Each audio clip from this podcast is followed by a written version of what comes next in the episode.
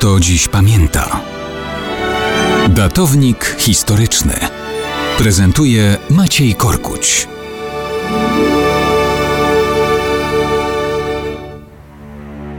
Mało kto dziś pamięta, że 13 września 1946 roku niecałe dwa miesiące pozostały do 38 urodzin syna spokojnych austriackich wydawców książek. Rodzice go nazywali Moni. To skrót od imienia, które otrzymał po ojcu. Wyrósł na szczupłego mężczyznę, który uwielbiał psy. W miejscu pracy miał dwa specjalnie wytresowane. Lubił konie, często jeździł po miejscu pracy na przejażdżki na siwym koniku. Lubił zbytek, bogactwo. Dzięki zapobiegliwości w miejscu pracy zebrał olbrzymi majątek.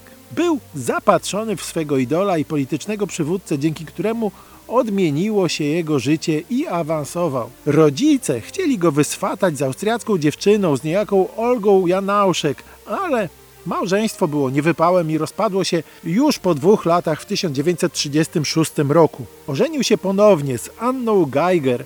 Miał dzieci. Cóż to za biografia wydawać by się mogło? Nie ma o czym mówić.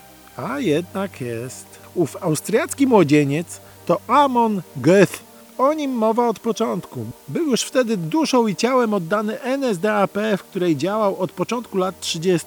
Był też aktywnym i przekonanym SS-manem. Już ślub z Anną Geiger brał w anturażu niby germańskiego neopogańskiego ceremoniału. Przyszła wojna, która otworzyła nowe możliwości kariery.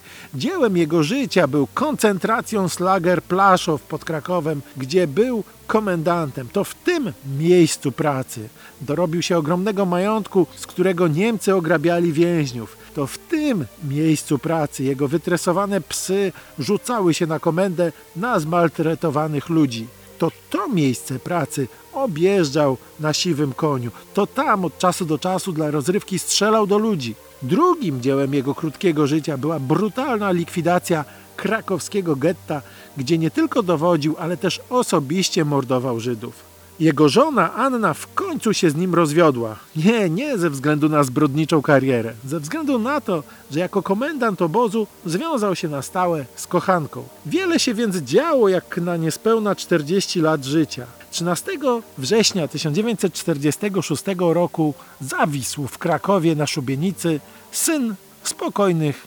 austriackich wydawców książek. Amon Goethe.